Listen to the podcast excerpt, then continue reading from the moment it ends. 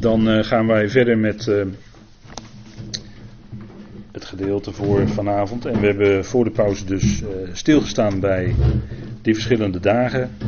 En uiteindelijk, als we kijken naar onze wandel en onze dienstbetoon, want de Filippenzen gaat vooral over onze dienst, hè, het woord dienen.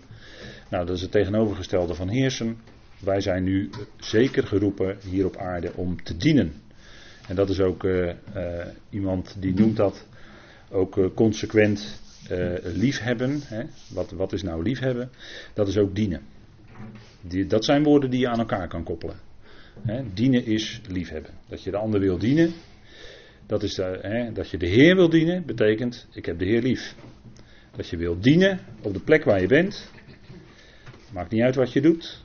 Maar als je daarin dienend bezig bent, nou, dan blijkt daaruit die liefde en uiteindelijk eh, weten, maar daar zullen we nog natuurlijk uitvoeriger bij stilstaan op een ander moment in, uh, uh, als Filippenzen 2 aan de orde is. En uiteindelijk beseffen wij natuurlijk maar al te goed dat God het is die in ons werkt, zowel het willen als het werken. Dat staat daar natuurlijk boven. alleen worden wij wel door de apostel Paulus in deze hele brief woord voor woord aangesproken op onze wandel en dienstbetoon nu, hier op aarde. en dat met het oog, inderdaad, op die dag van Christus. In dat besef, wat ook dan daar staat in Filippenzen 2, dat uh, God het in ons uitwerkt. Uiteraard. Uiteraard. dat kan niet anders. Maar we gaan uh, even kijken naar dat gedeelte uit hoofdstuk 4. En dan gaat het om uh, de gift, om het zo maar te zeggen, of de giften die de Filippenzen aan Paulus hadden laten bezorgen. En daaruit blijkt ook wel het een en ander. Daarin blijkt ook hun dienstbetoon. Hè? En het ging niet zozeer, Paulus, hè, dat zegt hij ook. Het gaat mij niet zozeer bij jullie om de gave, maar het gaat veel meer om de vrucht. Dus hij keek het ging hem niet om die materiële gaven. Stik genomen had hij die niet nodig hoor, want hij spreekt er nooit zo over dat hij per se nou uh, materiële gaven uh, nodig heeft.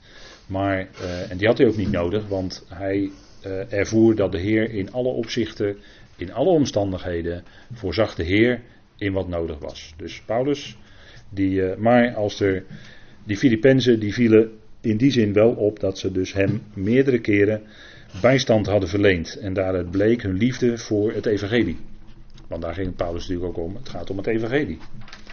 En hun liefde, hun deel hebben aan het evangelie. Hè, want dat klinkt in hoofdstuk 1. Het parallelle gedeelte. Hun deel hebben aan het evangelie. Dat gaf in hen ook de vrucht. Dat zou je ook een stukje vrucht van de geest kunnen noemen. Niet alleen in Galaten 5. Maar dit waarin zij dienden zou je ook de vrucht van de geest kunnen noemen. Uh, zij ondersteunde Paulus meerdere keren en dat was in dienst van het evangelie. Het ging Paulus niet om zichzelf, het ging om het evangelie. Het bericht, het goede nieuws wat hij hen had te brengen. En uh, daar, dat is, dat is juist het punt. Hè? Nou, het parallele gedeelte van de brief wil dus in hoofdstuk 4. Dat, uh, dat zegt Paulus dan in vers 14. Meer nog, jullie handelden uitstekend. Hè, let op dat woord uitstekend, want Vaak zal je in de vertalingen het woord goed aantreffen, terwijl er in de tekst eigenlijk een woord staat dat meer betekent. En hier hebben we dan ook vertaald met uitstekend. het woord uh, goed is uh, vanuit de grondtekst is een ander woord, agathon. Dat is een ander woord dan wat hier staat, kalon in het Grieks. En dat betekent uitstekend. Dat gaat nog boven dat goede uit. Dat is meer. Als je uh, op, op school heb je dat al geleerd. Hè? Als je het goed had, dan had je een cijfer 7. Maar als het uitstekend was, dan had je een 9 of een 10. Dat ging er bovenuit. En uh, Paulus zegt dan: Meer nog, jullie handelden uitstekend door met mij deelnemer te zijn in de verdrukking. Kijk. Ze, neemden, ze namen deel aan zijn verdrukking. En op dit moment dat hij dit schrijft, was hij in gevangenschap in Rome. Dat was een punt van verdrukking. Dat wil nog niet zeggen dat hij, het, dat hij daar honger leed of dat hij daar in een opzicht tekort kwam. Misschien wel. Uh, zeker was hem een zekere vrijheid. Het was beperkt. Maar uh, hij zat ook in de verdrukking. En dat had meer met, denk ik toch, het geestelijke te maken. Uh, dat hij onder druk stond. want er waren, dat zegt hij in hoofdstuk 1, er waren die de Christus, de Messias, predikte uit nijd en twist. Om zijn banden zwaarder te maken. Kijk, dat is die druk. Maar dat is geestelijk. En uh, die Filippenzen, zegt Paulus, jullie doen, hè, jullie handelen, jullie doen uitstekend door met mij deelnemer te zijn in de verdrukking. Hè. Deelnemen wil, wil zeggen uh, dat, dat het gemeenschappelijk is. En uh, als gelovige ben je ook gemeenschappelijk bezig. Hè, je, je, samen. Hè, en en samen, dat is dus niet alleen. Maar je bent samen. En dan ben je samen deelgenoot van het evangelie. En als je dat zegt, dan uitzicht dat ook in de houding die je hebt. Een houding van dienen. Nou, dat hadden die Filippenzen en dat lieten ze zien door hem ook materieel iets te sturen. Maar het, was, het gaf voor Paulus veel meer vreugde door te weten wat die harten daarachter, wat daarin gebeurd was. Waardoor hij die gift kon ontvangen. Dat, ging, dat, dat was veel belangrijker voor Paulus. Daar was hij verheugd over. En het, het wonderlijke is ook dat de grote druk, het enorme dienstbetoon wat de apostel mocht doen, dat hij juist in deze brief zo vaak schrijft over die vreugde. Verheug je in de Heer te allen tijden. En dat is dus in je dienstbetoon, hè? in de Heer. Dat wil zeggen, hij is de Curios, jij dient, hij is de Heer, hij is het hoofd, jij dient. En daarin heb je vreugde. Dat is juist je vreugde. Dat je hem kan dienen. En, hè, dat, dat, en dan, als je het zo gaat bekijken, is het helemaal niet zo wonderlijk dat Paulus zo vaak spreekt over die vreugde. En dat is natuurlijk ook het woord genade in het Grieks. Vreugde is genade, genade geeft vreugde. Nou, die genade voor Paulus was ook zijn apostel zijn. Wat hij deed, zijn dienstbetoon. Dat was zijn genade ook. En daarvoor ontving hij ook genade van de Heer, om dat te kunnen. En dat gaf hem ook dus vreugde. Want dat had alles te maken met die genade die hij mocht verkondigen. Niet alleen in woorden die hij sprak, maar in zijn hele houding. Hoe hij die andere genade schonk. En dat gaf hem ook vreugde. Want als je een ander genade schenkt, geeft dat niet alleen vreugde bij die ander, maar ook bij jezelf. Het slaat ook op jezelf terug. En, en zo is het ook bij God. Hè? God schenkt ons genade, dat schenkt ons vreugde en schenkt hem ook vreugde. Want mensen worden daardoor anders mens, als hij daarin in het hart werkt met zijn genade, met zijn geest, dan geeft dat bij die mensen vreugde. En dat geeft God ook vreugde. en dat moet voor de Heer, Jezus Christus, een geweldige vreugde zijn als hij dat ziet. Weer een wit toegevoegd, om het zo maar te zeggen, aan het lichaam van Christus. En straks, als het moment van de bazuin daar is, nou goed, dan betekent ook dat uh, het het lichaam compleet is en dat de Heer verenigd kan worden met zijn lichaam. Nou, dat is een geweldig moment. Tot dat moment is het dienen. En natuurlijk, we hebben een geweldige toekomst en dat is heel belangrijk. En dat geeft je ook kracht. Als je hoop, verwachting en uitzicht hebt, geef je dat kracht in de omstandigheden waarin je bent want als we, als we alleen, dat, dat, dat, uh, zondag kwam dat heel even naar voren. wanneer we, zelfs wanneer we alleen voor dit leven onze verwachting op Christus zouden hebben gebouwd, zouden wij de ellendigste zijn van alle mensen. Maar er komt opstanding en dat maakt alles anders. We hebben een hoop, we hebben een uitzicht, we hebben een toekomst. En dat geeft je kracht om in nu, in je dagelijks leven, hoe moeilijk de omstandigheden ook zijn. dat kan heel moeilijk zijn. Maar dat kan toch in die omstandigheden die kracht geven omdat je eronder kan blijven staan. Geestelijk gezien.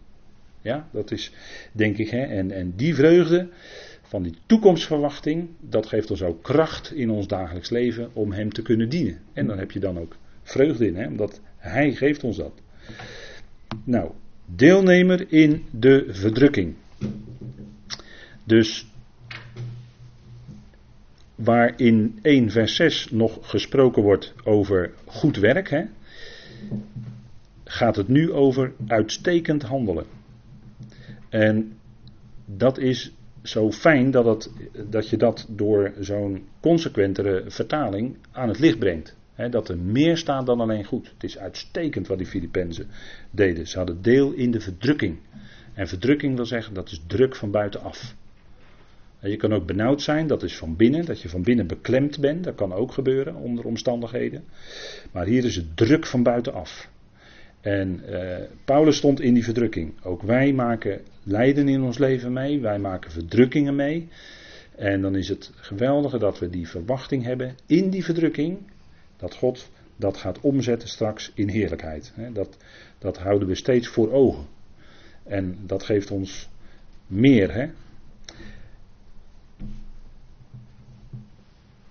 En Paulus zegt, jullie hebben er goed aan gedaan. In vers 14, hè? jullie handelden uitstekend.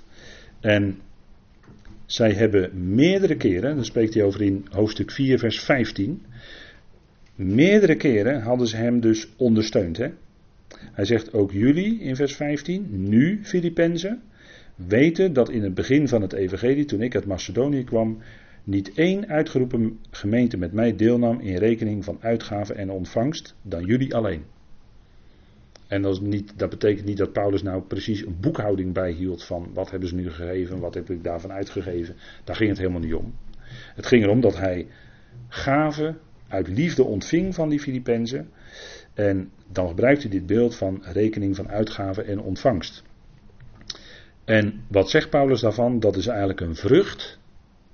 En het, het, bijzondere is dan dat die niet op Paulus' rekening toenam, maar hij nam toe op de rekening van die Filippenzen. Dus zij stuurden hem, hè, dus zij gaven hem. En je zou zeggen, hè, normaal gesproken zou dat hun vermogen iets verminderen omdat ze iets geven aan Paulus. Maar Paulus zegt nee, het groeit juist, bij jullie, het groeit juist op jullie rekening. En dat is juist het wonderlijke, hè? Dat, dat geven. Uh, ja, er wordt wel eens gezegd van, uh, in het evangelie, uh, van geven, daar word je niet armer van, daar word je rijker van. Hè, normaal gesproken zou je zeggen, je geeft iets, dus je hebt daarna minder. Maar het punt is, wat je in de dienst van de Heer geeft, daar word je zelf nog rijker van ook. Dus het werkt eigenlijk net anders om dan je denkt. En dat is ook als je het uitdeelt. Hè? Als je iets van het evangelie kan uitdelen aan anderen, dan word je daar zelf eigenlijk rijker van. Want die ander, hè, je, je wordt blij, want je ziet dat je misschien iemand anders even iets kan laten zien van wie God is. En dan deel je eigenlijk dat, dat wat je zelf hebt mogen ontvangen. En daardoor is er eigenlijk alleen maar meer geworden. Want er is nog iemand anders die dat ook deelt. Dus er weer iemand bijgekomen. En daar word je. En zo is het steeds. Geven, daar word je niet armer van, daar word je rijker van. En bij God, ja, God heeft een. Uh, ja, iemand heeft wel eens opgemerkt, die vond ik wel aardig. God heeft een andere manier van wiskunde dan wij. Hè? Want uh, hoe minder de mens zelf inbrengt, hoe meer God geeft. Dat kun je zien bij de, bij de uh, vermenigvuldiging van de broden. Hè? Toen de Heer minder broden had om te breken, werden er meer mensen gespijzigd. Dus de mens draagt dan een aantal broden aan. En hoe minder het is, hoe meer hij geeft. Vreemd hè? Normaal gesproken is dat vreemd, maar zo werkte het wel uit in het leven van, uh, van de Heer. En kijk, uh, hoe de Heer dat ook waardeert. Want Paulus die zegt dan in dat uh, 17e vers. Niet dat ik naar de gave zoek, hè, maar ik zoek naar de vrucht die toeneemt op jullie rekening. Dus ze gaven weg aan het evangelie, maar ondertussen werd de rekening bij jezelf groter. Terwijl je zou zeggen, nou, je, naarmate je meer geeft, als je te veel gaat geven, kom je in het rood te staan. Hè? Maar het is juist, hoe meer die Filippenzen gaven, hoe meer ze in de plus kwamen, hoe groener het werd, in plaats van rood. En dat is wat Paulus eigenlijk aangeeft. Hij zegt, het neemt toe op jullie rekening. Want het gaat er niet om, als we iets geven, en het gaat hier dan om materiële giften, goed, als we iets geven, gaat het niet om de hoeveelheid die wij kunnen geven. Want als iemand die zeer vermogend is en bij wijze van spreken 10 miljoen bezit. en daarvan 1000 weggeeft. Ja, dat betekent eigenlijk niks voor, voor diegene. Maar als je nou heel weinig hebt. en daarvan geef je toch nog weg. Ja, dat is dan heel veel. Gek hè? Nou, de Heer die liet dat ook zien. Laten we dat maar even met elkaar opzoeken. In. Uh, uh, Lucas 21. Want ja, heel de schrift, hè, zegt uh, de apostel Paulus. Heel de schrift is gegeven ons tot onderricht, tot uh, opbouw, tot opvoeding in de gerechtigheid. En die woorden die hij gebruikt daar in Timotheus. Hè, dus dat is heel de schrift, is ons tot voorbeeld gegeven. Lucas 21. Nou, dat is eh, voor u denk ik wel een bekend stukje geschiedenis. Lucas 21, vers 1. En toen hij opkeek, zag hij de rijken hun gaven in de schatkist werpen. En hij zag ook een zekere arme weduwe, twee kleine, daarin werpen. En hij zei: Werkelijk, ik zeg u dat deze arme weduwe meer dan allen ingeworpen heeft. Want die alle hebben van hun overvloed geworpen als offergave aan God. Maar zij heeft van haar armoede alles wat ze voor haar levensonderhoud had, daarin geworpen. Ziet u hoe de Heer dat waardeert? Zij gaf twee kleine muntjes. En het woord wat daar gebruikt wordt, dat wijst op de twee kleinste muntjes qua geldhoeveelheid die op dat moment in omloop waren. Dus zo, wij zeggen zo weinig gaf ze. Maar de Heer zegt zoveel gaf ze. Want ze gaf van haar armoede. Ze gaf misschien de laatste twee muntjes die ze had. Maar die wilde ze aan de Heer geven. Kijk, en dat wordt door de Heer gewaardeerd. En dat is eigenlijk veel meer, zegt hij. Dan die rijken die van hun overvloed misschien voor hun een schijntje erin gooit. Terwijl iedereen zegt, nou dat is veel, die geeft veel. Maar daar gaat het ook niet om. Het gaat niet om de hoeveelheid die iemand uh, hè, qua optelsom met allemaal nullen, daar gaat het helemaal niet om. Het gaat erom wat je aan de Heer geeft. Nou, die weduw gaf het laatste wat ze had. Hè, en, en, en het beste. Uh, hè, dat gaf zij als korban dat was zo gebruikelijk. Dat gaf zij als een gave, als een naderingsgave, een korban. En, en dan is het toch weer zo wonderlijk, dat evangelie, dat, dat de Heer Jezus Christus eigenlijk de korban van God is, die God aan de mensen gegeven heeft. Dus is het precies andersom. dat, is, dat, dat God dan eigenlijk zijn naderingsgave geeft, zodat Hij laat zien, ik nader tot jullie mensen. En dat, dat is zo enorm liefdevol. Zo enorm veel liefde ook, die daarin bleek. Dat hij zijn geliefde zoon gaf. Als, als korban, als naderingsgave. Nou, dat zouden we tot het hoogste uh, waarderen en koesteren. En, en ja, wat, God heeft alles gegeven wat hij kon geven. En, en uh, hier zien we dan een dankbaar hart wat daarachter zit. En daar gaat het in feite om. Hè. De Heer zag natuurlijk bij die weduwe zag hij een dankbaar hart. Dankbaar naar God toe. En dat bleek uit wat ze gaf. Nou, dat is ook hè, als, we, als we iets geven, hè, ik, ik noem maar onze tijd geven, hè, want we spreken dan makkelijk over vrije tijd. Nou, als we wat onze vrije tijd buiten onze gewone verplichting om geven in de dienst aan Hem, dan is dat, nou, dan is dat fijn als, als, hè, als je dat kan, als dat gebeurt. En, en, en dat doe je uit een stukje dankbaarheid. Dankbaar omdat je gegrepen bent door het evangelie. Gegrepen bent door het goede nieuws. En dan is het eigenlijk ook niet zo moeilijk meer om daar vrije tijd, hè, om het zo maar te zeggen, uh, aan te besteden. En later ga je tegen het woord vrij wel anders aankijken. Hè, het is, uh, want in feite is je hele leven van hem, is al je tijd eigenlijk van hem. Hè. Al onze tijd is eigenlijk gewoon van hem. Elke dag die wij leven is door hem gegeven, toch? Nou, al die uren die dan in een dag zitten, ja, die zijn eigenlijk van hem. En eh, ja, dan is, het, uh, dan is het eigenlijk ook niet zo moeilijk meer. En dan is het vreugde om daarin, hè, blijdschap om daarin bezig te zijn. Nou, Paulus die uh, spreekt daar ook over naar die Filippenzen toe. Paulus keek naar hun hart. Hè. Hij zocht niet de gave, maar de vrucht. De vrucht. Dus de vrucht van het evangelie. De vrucht die God daar zette. Daar verheugde Paulus zich over. Daar was hij blij mee dat hij dat zag bij die Filippenzen. En dat is uh, bijzonder. Hè? En hij zegt, ja, ik heb overvloed, hè, vers 18. Vers 18 van hoofdstuk 4. Hij zegt, ik heb overvloed. Hè, en dat, is, uh, dat was een aangename geur. En daar verwijst hij naar de offeranden ook. Hè? Paulus als, als uitnemend kenner van de Tenach, moet daar ongetwijfeld aan de offeranden van, van Leviticus hebben gedacht. Hè. Daarin waren een aantal offeranden, die waren, daar wordt niet bij gezegd dat het een aangename geur was. En er worden een aantal offeranden gezegd dat het wel een aangename geur was voor de Heer. En dan zegt hij, en er was onder, meer, uh, had het te maken met uh, de, de, het totale offer, hè, het totale offergave, wat totaal gegeven werd, dat was voor God een aangename geur. Nou, dat woord gebruikt Paulus hier. En daarin ziet hij ook dat die, daarin geeft hij eigenlijk aan dat die Filippenzen echt een offer hadden gebracht. Hij, gebruikt dat woord ook in, uh, in uh, vers 18.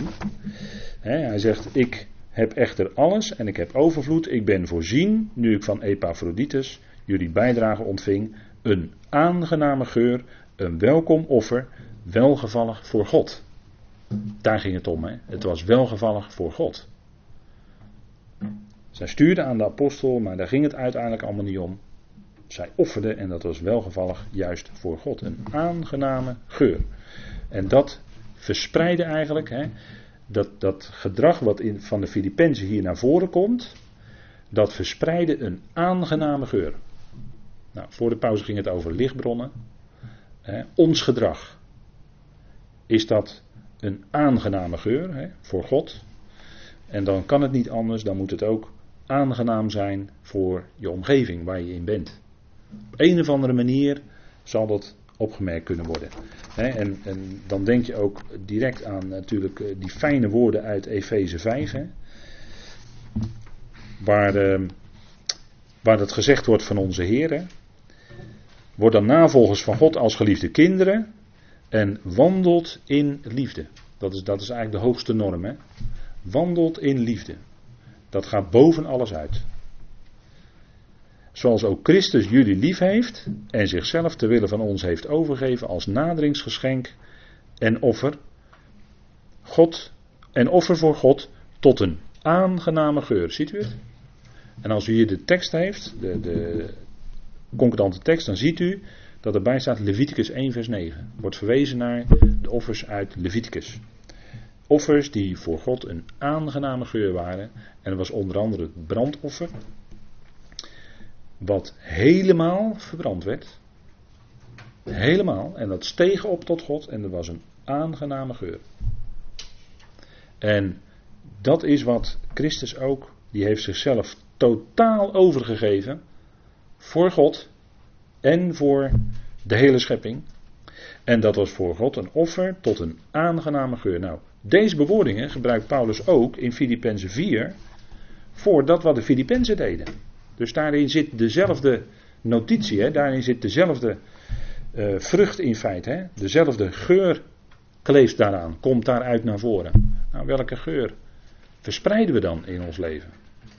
Hè, die wandel in de liefde, dat, als het echt de wandel is in Gods liefde, kan het niet anders dan een aangename geur verspreiden. En, en dat is wat, hè, als dat zich als vrucht in ons leven uitwerkt, nou, dan kun je alleen maar dankbaar zijn voor, voor, voor het enorme werk wat, wat God door je heen doet. Dat je ingeschakeld kan worden, mag worden, in die dienst die God je geeft. dat, dat dienen, dat is uh, zo ontzettend belangrijk principe voor deze tijd. He. Filippenzen spreekt daar helemaal. Die Filippenzen die dienden in het evangelie. En hoe het dan bleek, ach, het gaat niet eens om, om, om die materiële gift. Wat zou het? Maar het ging om hun houding. Ze hadden een dienende houding in het evangelie. En dat is, dat is belangrijk en dat waardeert de apostel in die woorden met een aangename geur. een dienende houding. We zijn nu niet geroepen om te heersen. Dat is straks, te midden van de hemelse. Maar nu zijn we geroepen om te dienen. En dat is ootmoedigheid. dat is de, de houding van Christus Jezus. Zoals hij op aarde was, he, waarin hij ook zei, Matthäus 11, die bekende woorden, leert van mij. En dan gebruikt hij ook dat woord ootmoedigheid. Hij kon het zeggen, hij was het, hij leefde het. En, en wat een geweldig voorbeeld is de Heer dan voor ons. Dat, we, dat we mogen dienen. En eh, dan zegt Paulus nog een geweldige belofte. dat, wat, we, wat we vaak eh, ook zingen misschien wel met elkaar. Mijn God nu zal in iedere behoefte van jullie vervullen. In overeenstemming met zijn rijkdom in heerlijkheid in Christus Jezus. Dat is een geweldige belofte die God geeft. En die maakt hij ook waar. Hij voorziet in wat nodig is. Dat wil niet zeggen dat wij dat bepalen wat nodig is. Nee, hij bepaalt wel wat nodig is. En hij voorziet ook dan daarin. En uh, het is naar zijn rijkdom. Nou, dat is, God is zo enorm rijk.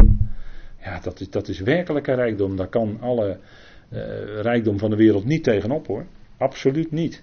Nee, de rijkdom die God geeft is zo ongelooflijk groot in zijn zoon. Daar, daar zit alles in. En eh, wat is er dan geweldig, hè? Dat, dat hij arm werd, zoals het zo mooi in Korinthe staat. Hè? Hij is arm geworden. Hè? Hij verliet een enorme rijkdom en heerlijkheid. Maar hij is arm geworden om ons en vele anderen, hè, uiteindelijk allen, rijk te kunnen maken. Maar hij is bewust in die armoede gekomen om iedereen rijk te maken. Prachtige beeldspraak. Als Paulus daar spreekt over die gift van de, van de Corinthiërs. Die gift, die, of die gift van de, die hij meenam voor de heilige in Jeruzalem. Maar dan zegt hij, kijk, de Heer is zelf arm geworden. Een mens. En is het gedaan tot in de diepste diepte, zo arm. Maar om iedereen uiteindelijk geweldig rijk te maken. En dat, is, uh, dat mogen we ons bewust zijn. Hè? Hoe geweldig rijk we zijn. Nou, en met die rijkdom kunnen we dienen. Hè? Die geweldige geestelijke rijkdom die God ons geeft. Goed, ik wil het hierbij laten voor uh, vanavond. Amen.